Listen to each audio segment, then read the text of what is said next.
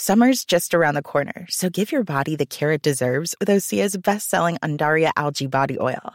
Created by infusing Undaria seaweed in barrels of botanical oils, it leaves skin silky soft and glowing. Plus, it's clinically proven to improve elasticity and deeply moisturize without feeling greasy. It's safe, clean, vegan skincare. Get 10% off your first order at oseamalibu.com with code GLOW, plus free shipping on orders over $60.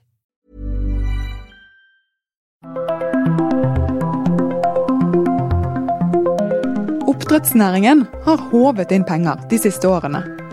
Nå har mange fått nok. Er det på tide at fellesskapet får en større bit av kaken? Jeg heter Sigrid Haaland, og du hører på Det vi lever av. En podkast fra Sysla.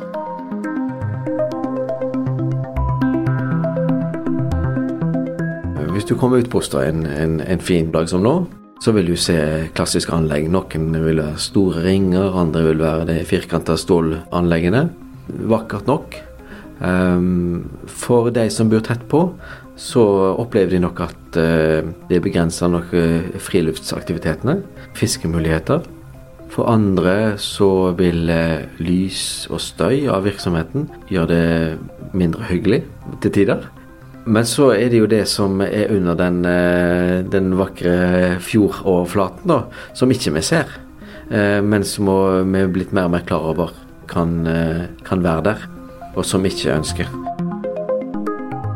Jarle Skeidsvold er ordfører i Osterøy kommune, en oppdrettskommune i Hordaland. Han forteller at næringen er viktig for kommunen.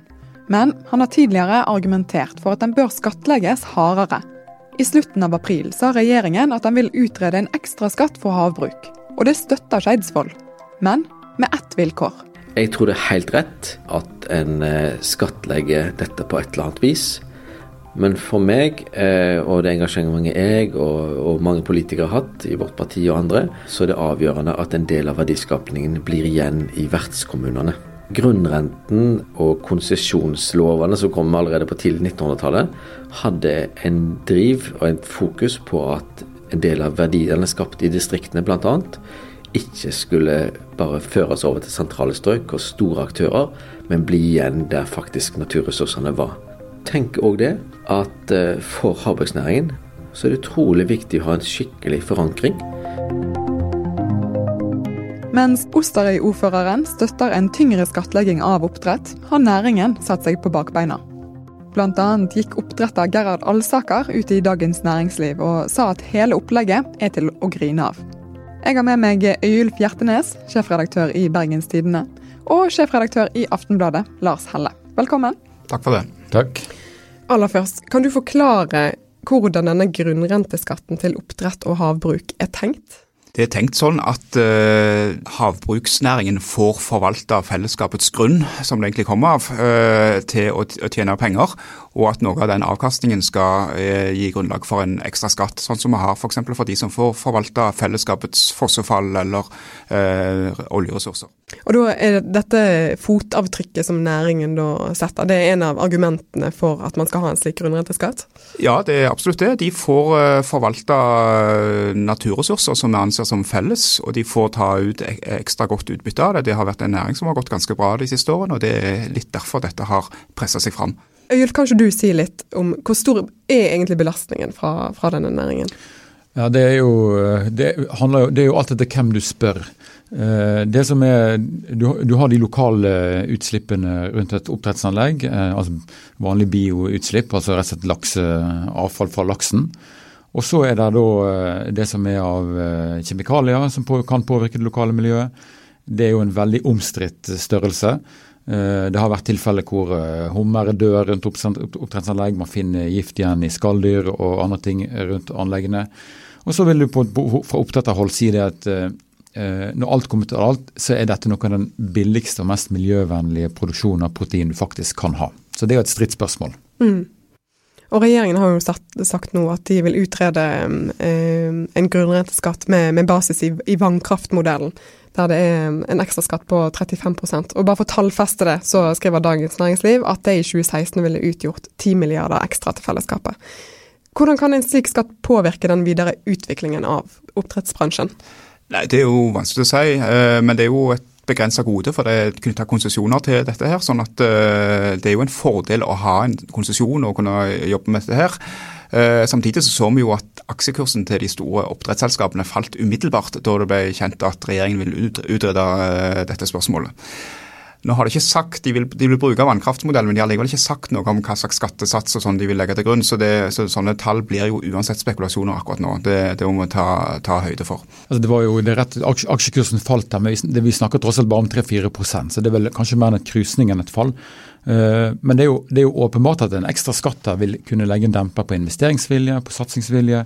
Eh, og vil kunne svekke konkurranseevnen til en av de næringene som vi faktisk skal leve av framover. Ja, det, er jo, det er jo også sånn at de så langt har brukt eh, overskuddet til å investere i teknologi, nyvinninger og, og sånn. Det er klart at evnen til det vil bli mindre ved en tyngre skattebyrde. Mm. Men det er jo òg sånn eh, at altså i, i vannkraftmodellen så får jo man òg skattelettelser.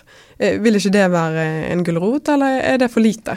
Ja, Det ligger jo i det norske skattesystemet at du har uh, lettelser og fradrag der det òg er byrder, og, de vil kunne trekke fra og, og, mange av utgiftene sine innenfor uh, hvis de får denne grunnrenteskatten. så det kan kanskje lempe litt på byrden, mm. men vi vet jo ikke helt hvordan dette vil slå ut før vi ser det. Nå mener jo oppdretterne at de allerede bidrar til fellesskapet i form av den skatten de allerede betaler, og arbeidsplasser. Men hvor stort er egentlig dette bidraget? Ja, Det er ikke så stort som mange vil ha det til. fordi at Vi hører ofte at dette er en utrolig viktig eksportnæring for Norge, og det er helt rett. Men det er jo ikke sånn at eh, det er masse masse mennesker som jobber i denne bransjen. Det er ganske få mennesker som jobber i denne bransjen, selv når du tar med si, leverandørselskaper og sånn. Så, så det, det, er faktisk ikke så mye de bidrar med der. Men, men det kunne jo mange, både vannkraftselskaper og oljeselskaper òg sagt, det, at de bidrar jo på andre måter. Men det er jo ikke unaturlig at de som får lov å forvalte eh, begrensa fellesressurser, eh, må, må, bidra litt ekstra ut fra det. Altså hvis, altså hvis, det er sånn at hvis kommuner skal være villige til å regulere fjorder og havområder til eh, oppdrett, så må de ha noe igjen for det. Og det er jo helt enig med Lars. Oppdrettsnæringene skaper jo arbeidsplasser, men det er ikke så mange arbeidsplasser lokalt. De store selskapene skatter gjerne heller ikke lokalt. Så da sitter du igjen med en del oppdrettsanlegg i eh, fjorden din, og kanskje noen andre muligheter som, eh, som blir begrensa. Derfor er det eh, viktig at en sånn skatt eh, tilfaller kommunene mm. eh, i, i, så langt som mulig. For det vil òg dempe konfliktnivået lokalt, sånn at oppdrettere og kommuner kan jobbe mer sammen enn mot hverandre. Ja, jeg, jeg, jeg, er ganske skeptisk til at for mye skal gå til den lokale kommunen. Det vil slå veldig tilfeldig ut, sånn som vi òg ser i, innenfor f.eks. Eh, kraft, eh, kraftnæringen, hvor de pga. forskjellige skattleggingsordninger får du små kommuner som blir styrtrike litt pga. kommunegrensene.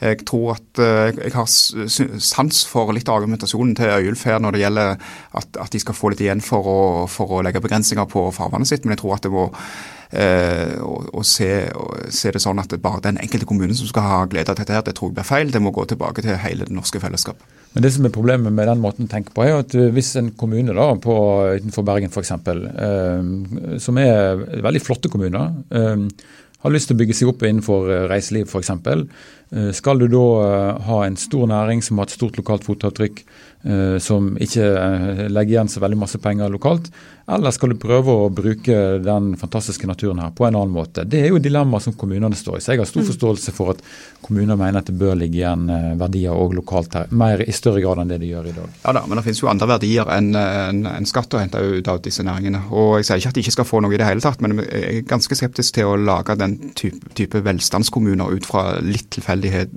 tilfeldigheter som dette vil være. Men, men Øylf, du var inne på det med reiseliv, at man kunne bruke fellesarealene til reiseliv istedenfor. Men, men det kan man jo òg si er en næring som benytter seg av fellesområdene. Så hvor skal Absolutt. man sette grensen da? Absolutt, og rett sånn prinsipielt så er jo det liksom problematisk å sette den grensen. For hvor skal mm. du egentlig sette den? Men mm. det som jeg mener likevel det er en litt annen uh, diskusjon. For når det gjelder havbruksnæringen her, så snakker vi om en næring med veldig, stor, uh, altså det er veldig store økonomiske størrelser involvert. I tillegg så mener det går fint an å si at fotavtrykket lokalt er større større. Altså Det er større utslipp f.eks. fra oppdrettsanlegg. Og så kan man mene det at det er akseptable utslipp, men det er i hvert fall, i hvert fall utslipp.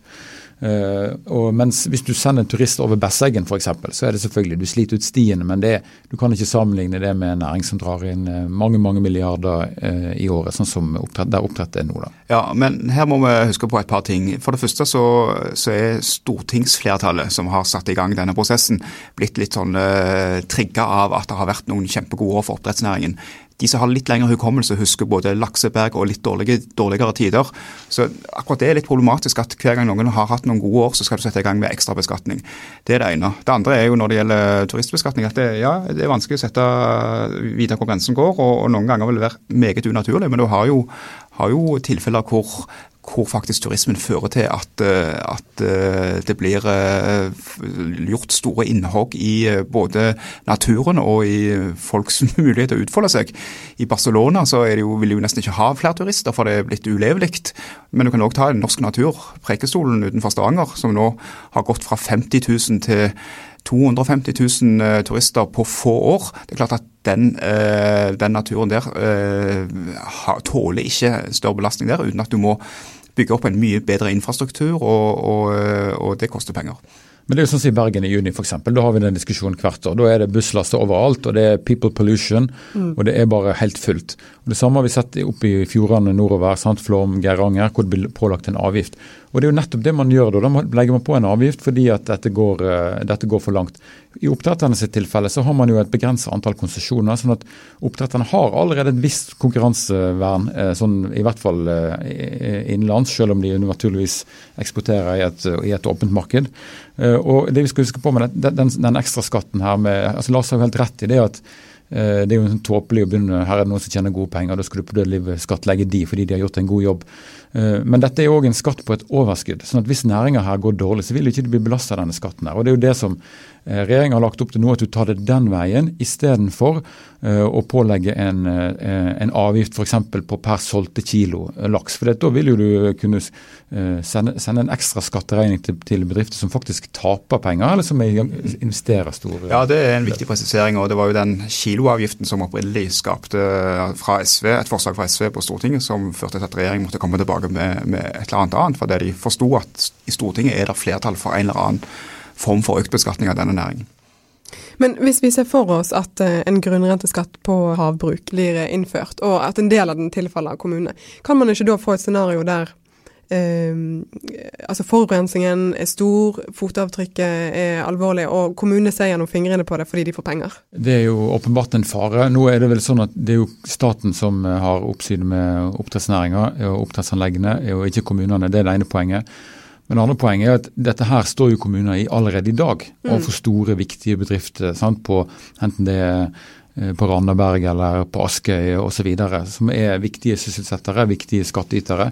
Så Det dilemmaet er allerede her i dag, så det vil ikke være noe nytt i en sånn type skatt som det her. Men det er klart at det vil bli enda mer attraktivt for kommunene å få den type virksomhet til, så de vil nok legge seg i selen i alle fall for å både beholde det de har og få nye virksomheter. Så Sånn sett så kan det virke men for de som jobber med kommunereform f.eks., så vil det jo være sterkt begrensende. For det blir helt umulig å samle kommuner hvis den ene har eh, store inntekter fra denne bransjen, mens eh, nabokommunen ikke har noen ting. Får, da får man slå sammen kraftkommuner og sånne oppdrettskommuner, så blir det bra. Så har man, alle, har man, har man en fot i hver leir. Da vi skal eh, oppe, oppe i Sunnfjord f.eks. Da kan du slå sammen uh, Bremanger f.eks., en kommune som ikke ønsker å bli slått sammen med Vågsøy og Flora kommune. Uh, langt på vei fordi, eller en, av, en, viktig grunn er at de har kraftinntekter i Bremanger. Mm. Så lage de oppdrettsanlegg i Vågsøy. så... Det eksempelet der er jo et av de, de beste på hvordan det har gått med denne kommunereformen. Hei, jeg heter Gerhard Flåten og er kollegaen til Sigrid i Sysla. Jeg skal være helt kjapt be deg om å gjøre to ting. Først, åpner du nettleseren din og skriv syslalive.no i adressefeltet. syslalive.no. Når du har lest deg opp og meldt deg på der, gjenstår det bare å åpne kalenderen og sette av tirsdag 18.9. Da skal jeg nemlig intervjue noen av verdens aller fremste eksperter på autonome skip. Det skjer på scenen i Grieghallen i Bergen. Hva er det egentlig som er mulig å få til på dette feltet? Og hvem er det som leder kappløpet? Det er noe av det du får svar på når vi igjen tar journalistikken til scenen under Sysla Live Ocean 2018. Les mer på syslalive.no, og så ses vi i september. Eh, nå har jo oppdretterne eh, sagt at eh, de risikerer en dobbeltbeskatning hvis dette her nå blir innført. Fordi de allerede De skal nå betale mer for de nye konsesjonene sine. Eh, blir dette for tungt å skattlegge de på denne måten da? Det kan, man, eh, det kan man godt mene, men det blir jo ikke en dobbeltbeskatning. For det vil, jo, det vil jo, jeg vil jo anta at de som skal inn og kjøpe konsesjoner i dag, de vil jo prise inn det skatteregimet som de ser foran seg. Så sånn at eh, Jeg ser ikke, egentlig ikke den helt den argumentasjonen. Nei. Nei, der vil markedet bidra til å fastsette prisen, og sånn er jeg enig med Ulf på, på det punktet. Mm. Oppdretterne har jo òg advart mot at de eh, kan komme til å flagge ut eller flytte virksomheten til landbaserte anlegg hvis eh, en slik skatt blir eh, innført. Hvor, hvor reell tror dere en sånn trussel er? Akkurat denne bransjen så har jeg ikke så mye tro på det. Det er en grunn til at den har vokst seg stor og sterk i Norge, for det har vi vært flinke til å utnytte akkurat de ressursene vi har langs kysten og i fjordene våre. Det er ikke direkte overførbart til andre farvann Kanskje litt eh, hvis du tenker Island, Færøyene og andre Skottland. Men, men, eh, men, det er ganske kompliserte ting, og det er ganske mye teknologi og kunnskap som er i Norge. Så jeg syns ikke det er en sånn spesielt reell trussel. Og så er det ikke sånn at det ikke finnes den type eh, beskatningsordninger i de andre landene heller. Det er interessant for Færøyene f.eks., hvor Kolbjørn Giske Ødegaard i Nordea Markets løfter fram her forleden. Eh, Færøyene strammer veldig inn på oppdrettsbeskatningen, og siden den gang så har Bakkafrost, som er et stort oppdrettsselskap på Færøyene, dobla børsverdien sin. Så jeg, eh, jeg, følger helt Lars her. da. Det, det, som kan skje av en sånn skatt, er at den er med på å framskynde et skifte hvor næringa flytter til landbaserte anlegg. Og Da mister plutselig Norge sine komparative fortrinn i uh, den type produksjon. Og Det kan jo åpenbart få følge, få følge for, for den norske næringa. For da er det plutselig, da kan du drive det hvor som helst fra. Da er det plutselig ikke og det å ha en lang kystlinje lenger plutselig ikke noe som er en fordel for oss. Nei, Da kan du få fersk fisk fra Østerrike. Så man setter kanskje næringen i fare da, med å innføre en sånn skatt? Ja, det, er jo, dette, det, er jo, litt obligatorisk. Det er klart at En næring som får en sånn trussel om en ny type avgift eller skatt over seg, vil alltid protestere. og, og Da kommer utflaggingskort og da kommer alt det andre opp. og Noe av det er reelt og noe av det er mindre, mindre reelt. Men det er klart at øh, det kan bli endringer i næringen av dette her, men at du setter hele næringen i fare, det tror jeg ikke. Hvor stor eh, sannsynlighet tror dere det er eh, at denne næringen får en tyngre skattlegging i, i årene som kommer?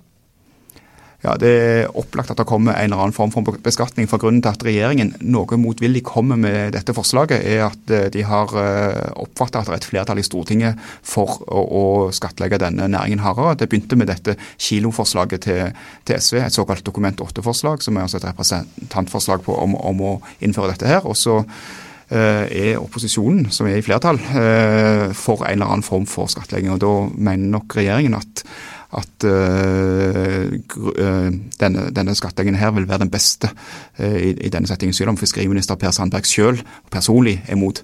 Mm. Spørsmålet blir jo hvor stor skatten blir. 10, 10 milliarder nevnte du her som Dagens Næringsliv har regna ut, hvis du bruker samme skatten som innenfor vannkraft. Men man kan jo ha en lavere skattesats enn det. Det er jo ingenting i veien for. Så Det er jo det som er, det er jo presisert overfor regjeringen at det, det, er jo ingen Man har ikke gifta seg med en skattesats her, så det kan jo bli mange forskjellige løsninger på det. Vi runder av med det. Takk for at dere var med, Øyulf og Lars. Og takk for at du hørte på Det vi lever av. Vi hører gjerne fra deg om det er noe du mener vi bør snakke om i denne podkasten. Da sender du en mail til sigrid.haaland med dobbel a at sysla.no. Produsent for denne podkasten var Henrik Svanevik. Jeg heter Sigrid Haaland. Og vi er på plass igjen om ikke lenge.